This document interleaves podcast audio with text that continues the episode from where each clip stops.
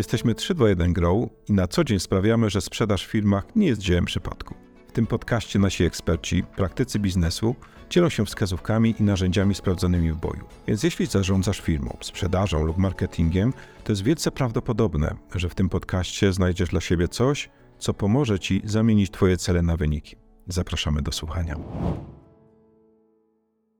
Cześć, to kolejna odsłona odcinka podcastu 321 Grow Talks, którym pokazujemy, że sprzedaż i marketing to fach.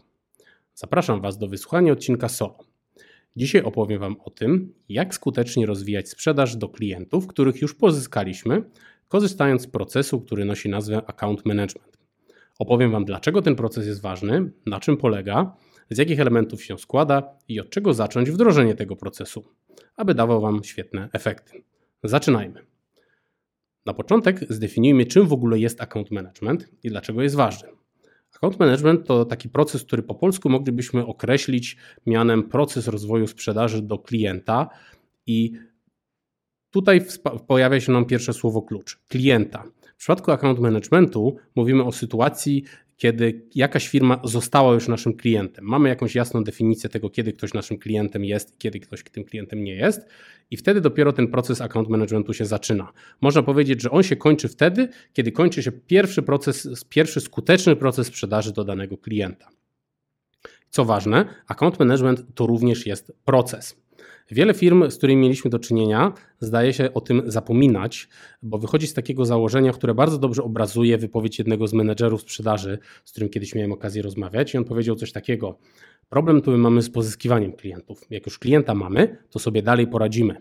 Z tego wychodzi takie założenie, że rozwój sprzedaży do obecnych klientów jakoś sobie sam pójdzie, handlowcy jakoś sobie z tym poradzą, wystarczy im w tym wszystkim nie przeszkadzać. Niestety w tym kryje się pewna pułapka, taka pułapka zaniechania, która pokazuje, że jeżeli to wszystko zostawimy samemu sobie, to bardzo często będzie działać średnio. Najczęściej często będzie działać średnio z trzech powodów. Po pierwsze, właśnie brak procesu. To znaczy, każdy będzie to robił po swojemu i najczęściej się to skończy tym, że handlowiec raz na jakiś czas zadzwoni do klienta albo podjedzie i zapyta, co słychać. Po drugie, problemem często jest też brak segmentacji klientów, to znaczy wszystkich klientów będziemy traktować tak samo, niezależnie od ich potencjału sprzedażowego dla nas. Tymczasem jest to bardzo istotna rzecz, o czym Wam powiem za moment. I po trzecie, zła organizacja pracy, a więc te same osoby często obsługują klientów obecnych i nowych, e, robiąc to w dosyć podobny sposób i na koniec często na coś brakuje czasu. Na koniec oczywiście jest takie ważne pytanie, a po co w ogóle ten account management robić? Co on daje? I tutaj statystyki sprzedażowe nam przychodzą z pomocą. E, taką regułą kciuka jest to, że sprzedaż do obecnych klientów jest dwa razy prostsza niż sprzedaż do nowych klientów. Zapewne to słyszeliście. Jest na to prosty sposób, aby to sprawdzić. Weźcie, wy, popatrzcie na swój system CRM i postarajcie się zrobić z niego na przykład zrzut wszystkich zamkniętych szans sprzedaży z ostatniego roku czasu. I spróbujcie z tych szans sprzedaży wydzielić klientów już obecnych od tych klientów zupełnie nowych i popatrzcie na to, jaka będzie skuteczność zamknięcia szans sprzedaży mierzona wskaźnikiem win rate.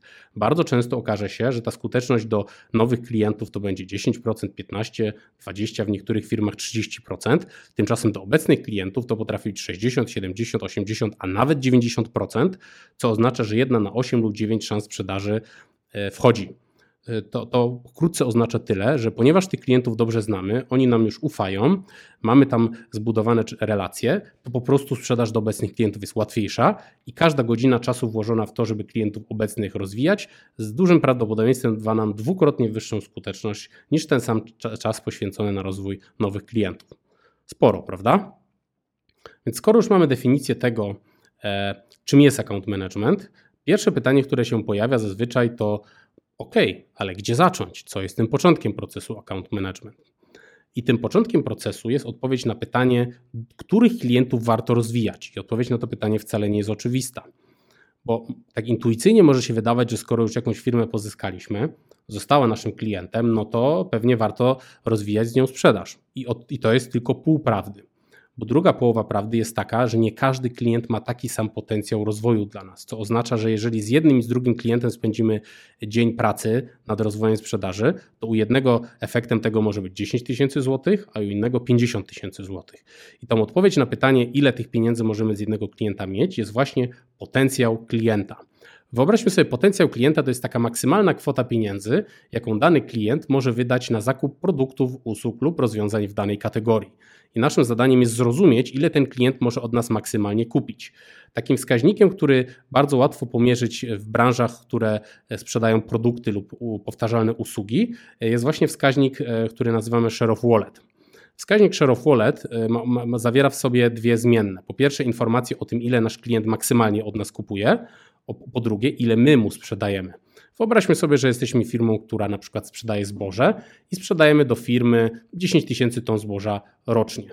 Tymczasem ta firma kupuje na rynku 50 tysięcy ton zboża rocznie, co oznacza, że my tylko i wyłącznie 20% do niej sprzedajemy, a to oznacza, że pozostałe 80% sprzedają inne firmy. Więc ten share of wallet to jest na naszej firmy, czy udział w portfelu zakupowym klienta to 20%, ale potencjał klienta to jest 50 tysięcy, więc mamy nadal 80% do tego, żeby wrosnąć. Oczywiście nie w każdej firmie da się tak samo mocno wzrosnąć, ale Mm, sama informacja o tym, że taki potencjał jest, to już jest bardzo istotny element, bo on odróżnia tych klientów, u których możemy urosnąć, od tych, u których trochę trudniej urosnąć. Pracując z naszymi klientami, bardzo często przeprowadzamy takie ćwiczenia, aby ten potencjał poszczególnych klientów ocenić. Robimy to poprzez warsztaty czy poprzez ankiety. I pamiętam takie ćwiczenie, które przeprowadzałem kiedyś u jednego z klientów z branży wędliniarskiej. Tam szukaliśmy odpowiedzi na pytanie, jaki jest potencjał poszczególnych sklepów dla tego klienta.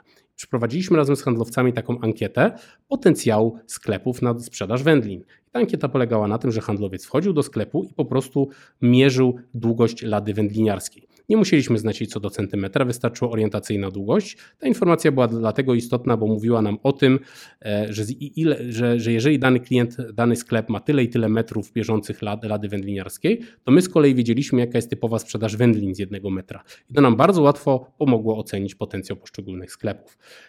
Co z tej historii wynika dla Was? Wynika dla Was to, że praktycznie w każdej branży potencjał klienta można ocenić, ale w każdej branży ten potencjał może troszeczkę inaczej wyglądać. Zastanówcie się nad tym, jaki wskaźnik może najlepiej Wam ocenić potencjał klientów Waszej branży i nie zawsze wcale muszą to być obroty. Skoro już wiemy, od czego zacząć e, budowanie procesu account managementu, no to, jest, to, to możemy przejść do kolejnego kroku. Tym kolejnym krokiem jest odpowiedź na pytanie, co chcemy tym klientom sprzedawać. I ta perspektywa troszeczkę inaczej będzie wyglądać w przypadku firm sprzedających pro, proste produkty i usługi i trochę inaczej w przypadku firm sprzedających rozwiązania.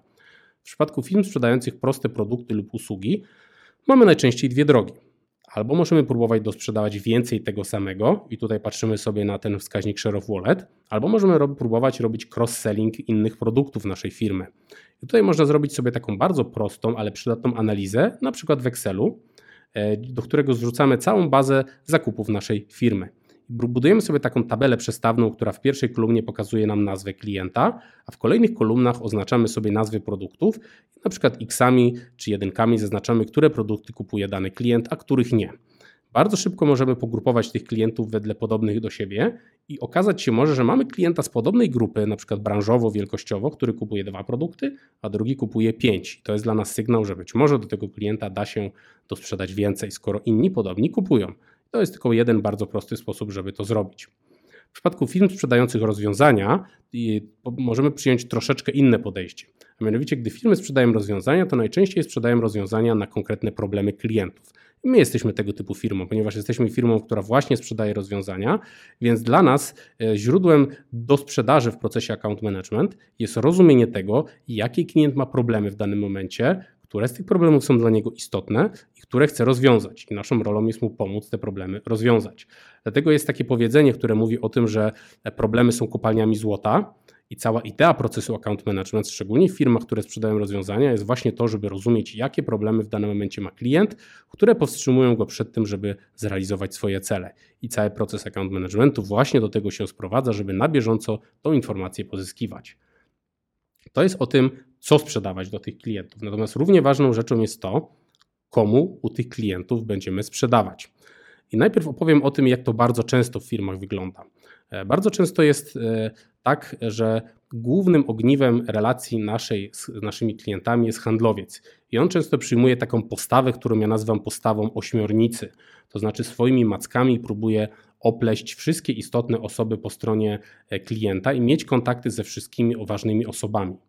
Niestety problem w takim podejściu jest taki, że w momencie, kiedy nasz handlowiec odejdzie, no to bardzo często cała relacja naszej firmy z tym klientem znika, ponieważ on był główną, a czasami wręcz jedyną osobą, która te relacje miała. I poza nim nikt z tymi klientami nie rozmawiał, nikt tych ludzi nie znał.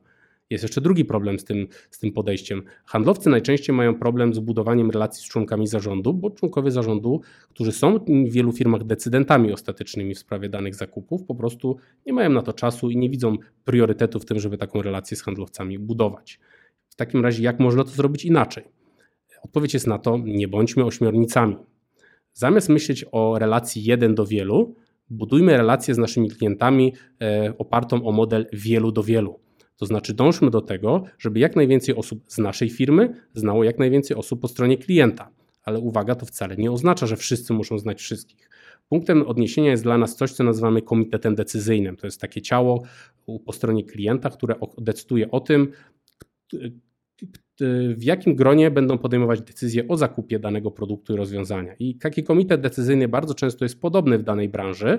My tylko musimy sobie go nazwać i sprawdzać u każdego kolejnego klienta, kto daną rolę w tym komitecie decyzyjnym pełni. I ważne jest to, żebyśmy my potrafili zaangażować odpowiednie osoby z naszej strony do tego, żeby budowały relacje z odpowiednimi osobami po stronie naszych klientów. I na przykład handlowiec może budować relacje z działami zakupów, ale oprócz tego możemy zaangażować osobę techniczną z naszej strony, żeby budowała relacje z osobami technicznymi po stronie klienta. Możemy również zaangażować e, członków zarządu naszej firmy z członkami zarządu naszych klientów. I budowanie właśnie relacji wielu do wielu to jest jedna z, jedna z takich rzeczy, o które my bardzo dbamy w naszym wewnętrznym procesie account managementu, a mianowicie dążymy do tego, żeby nasz klient znał jak najwięcej osób decyzyjnych, przepraszam, znał jak najwięcej konsultantów z naszej firmy, dlatego że dzięki temu widzi szersze kompetencje naszego zespołu i widzi więcej niż wartości, niż gdyby tylko pracował z jedną osobą. I teraz w przypadku budowania relacji z dużymi klientami, e, ta, ta sieć relacji wielu do wielu jest szczególnie istotna, bo tam tych decydentów może być więcej. I właściwe określenie sobie takiej, czy zmapowanie takiej relacji, to jest jedna z czynności, którą warto zrobić w systemie CRM. E, rozbudowane systemy CRM, takie jak Salesforce czy HubSpot, dają taką możliwość odzwierciedlenia całej struktury organizacyjnej naszej, e, naszego klienta wraz z oznaczeniem, kogo my znamy, kto go zna i na czym ta relacja jest oparta. Żebyście mieli, mogli sobie zwizualizować, o czym mówię, popatrzcie sobie na taki dodatek do HubSpota, który się nazywa OrgChart. I on właśnie bardzo dobrze do tej roli pełni, e, pasuje. Ok, mamy odpowiedzieliśmy sobie na pytanie, do kogo sprzedawać i co sprzedawać. I teraz na pewno pojawia się takie pytanie, ale jak to wszystko zrobić? E, I tutaj są znowu takie trzy istotne subkomponenty tego wszystkiego. Po pierwsze jest konkretny proces, który się składa z jakiejś sekwencji kroków. Po drugie są narzędzia, w których należy to robić. I po trzecie, kto to powinien robić. Mm, zacznijmy od procesu. Jak procesu rozwoju sprzedaży do obecnych klientów. Takim, w momencie, kiedy już mamy określone, do, z którymi klientami tą współpracę chcemy rozwijać, to warto zacząć od stworzenia sobie po prostu planu rozwoju takiego klienta. E, taki dokument po angielsku bardzo często znajdziemy pod nazwą Account Plan albo Account Development Plan. To jest taki dokument, który mówi nam o tym, w jaki sposób my chcemy sprawić, że ten klient będzie od nas więcej kupował. Taki dokument ma, będzie miał najczęściej kilka punktów. Po pierwsze, musimy w nich określić, jakie cele biznesowe ma klient, e, jakie problemy na drodze do realizacji tych celów biznesowych ma oraz w jaki sposób nasza oferta mu pomoże te cele zrealizować. Oczywistym jest, że nie musimy mówić o wszystkich celach biznesowych klienta we wszystkich obszarach, tylko o tych celach, które dotyczą naszej działalności, czy tego, w jaki sposób my możemy te cele pomóc rozwiązać. A następnie, bo, bo cele klienta, tak jak wcześniej mówiłem, są zawsze punktem startowym i znając je i rozumiejąc i cele problemu, i cele i problemy klienta, no dużo łatwiej będzie nam e, sprzedać mu nasze usługi, bo pokażemy mu rozwiązanie tych problemów. Skoro już mamy tego rozumienie, to ostatnim komponentem account planu jest właśnie plan, jak dokładnie chcemy to zrobić. Tutaj znowu są takie trzy istotne komponenty. Po pierwsze, bariery do zaadresowania, by klient powiedział tak. Może być na przykład klient nas e, wystarczająco dobrze nie zna, więc musimy go być może poznać e, z jakimiś członkami naszego zespołu. E, być może jest kwestia, nie znamy istotnych decydentów po stronie klienta, którzy będą mieli wpływ na to. Być może musimy ich poznać. I roz, rozumiejąc to, co się musi wydarzyć, żeby ten klient od nas kupił, możemy sobie ustalić plan konkretnych aktywności, żeby to wszystko się wydarzyło, a potem zacząć go wdrażać w życie, a więc spróbować sprawić, żebyśmy my te czynności wykonali. I oprócz samego planu e, potrzebna nam jest jeszcze jedna bardzo ważna rzecz, a mianowicie rytm spotkań z klientami. Firmy, które mają dobrze działający proces account managementu, nie zdają się na przypadek, ale starałem się, aby interakcja z klientami miała pewien taki pewien powtarzalny i cykliczny charakter, a więc definiuję sobie razem z klientami konkretne rodzaje spotkań, które, które, które będą z nimi odbywali. Co, to nie oznacza, że spotkań ad hoc nie może być, ale są pewne spotkania, które są zawsze w kalendarzu i dzięki temu mamy pewną powtarzalność i cykliczność współpracy. Takimi najczęściej powtarzającymi się spotkaniami, które widzimy w kalendarzach naszych klientów, to są na przykład spotkania kwartalne, często po angielsku noszą nazwę Quarterly Business Review, gdzie się analizuje, jak wygląda współpraca w obecnym kwartale, jakie są wyzwania, co działało dobrze i co źle, oraz co po stronie klienta się teraz dzieje takiego, w czym moglibyśmy mu pomóc. A z drugiej strony mamy na przykład spotkania roczne, takie bardziej strategiczne.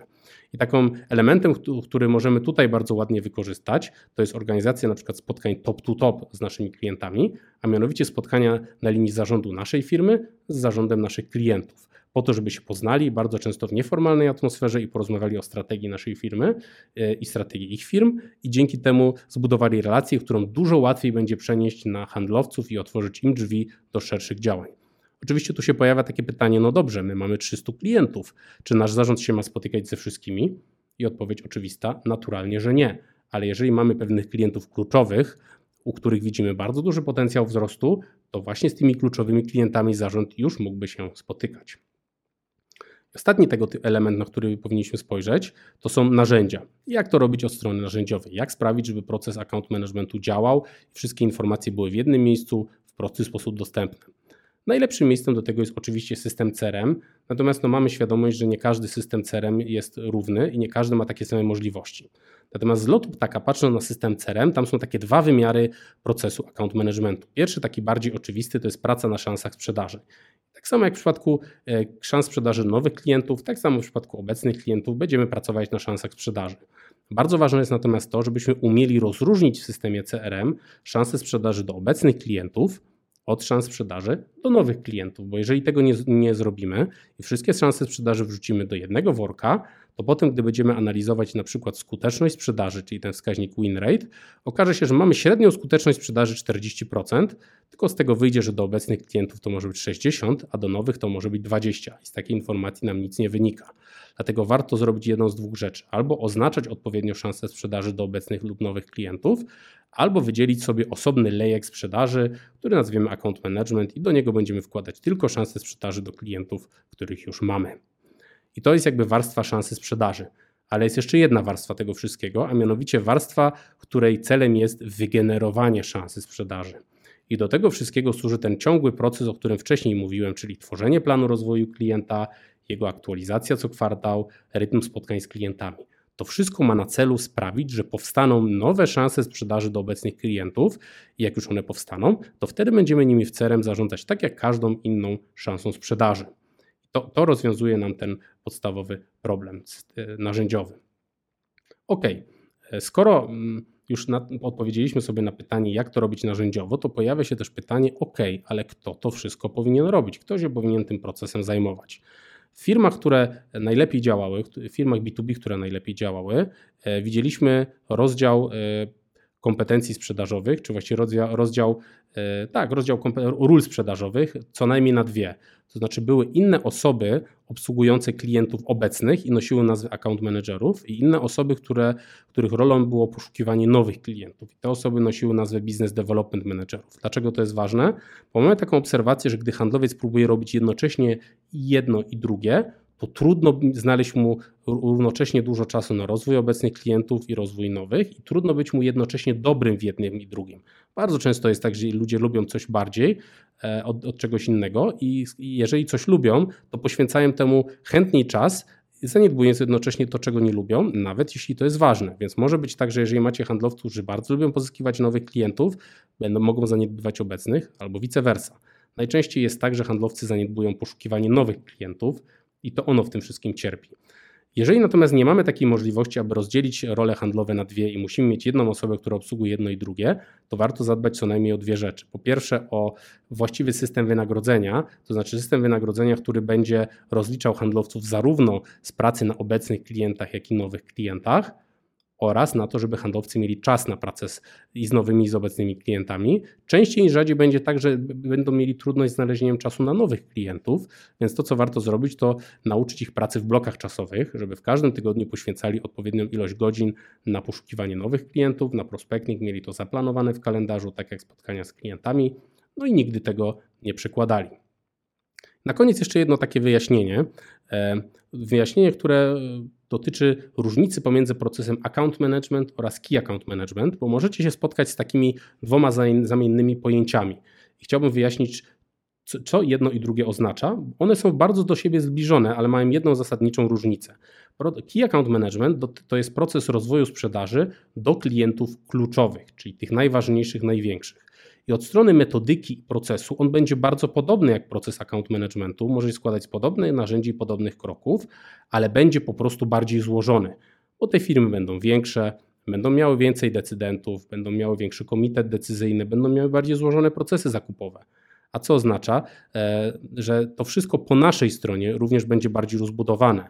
Więc tak jak na przykład dla klienta średniej kategorii wystarczy na, na przykład karta klienta w CRM z trochę bardziej rozbudowanymi funkcjonalnościami, na przykład określającymi potencjał klienta czy jego aktualne wyzwania, komitet decyzyjny plus możliwość ustawienia cyklicznych spotkań.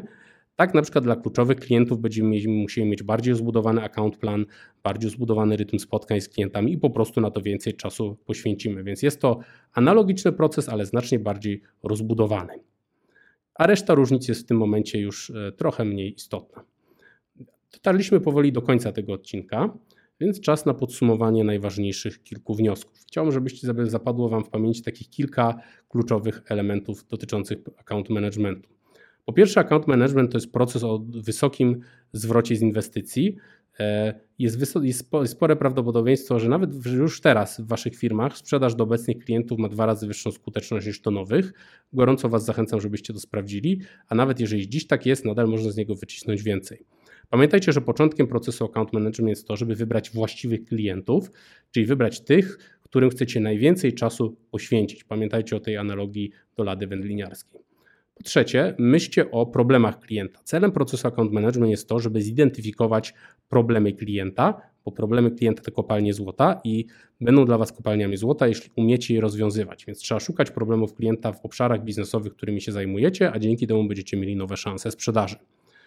Robić, robiąc to, musicie robić to metodą wielu do wielu, a więc budować relacje z klientami tak, żeby jak najwięcej osób istotnych po waszej stronie znało poszczególnych członków komitetu decyzyjnego, a więc nie bądźcie jako śmiernica.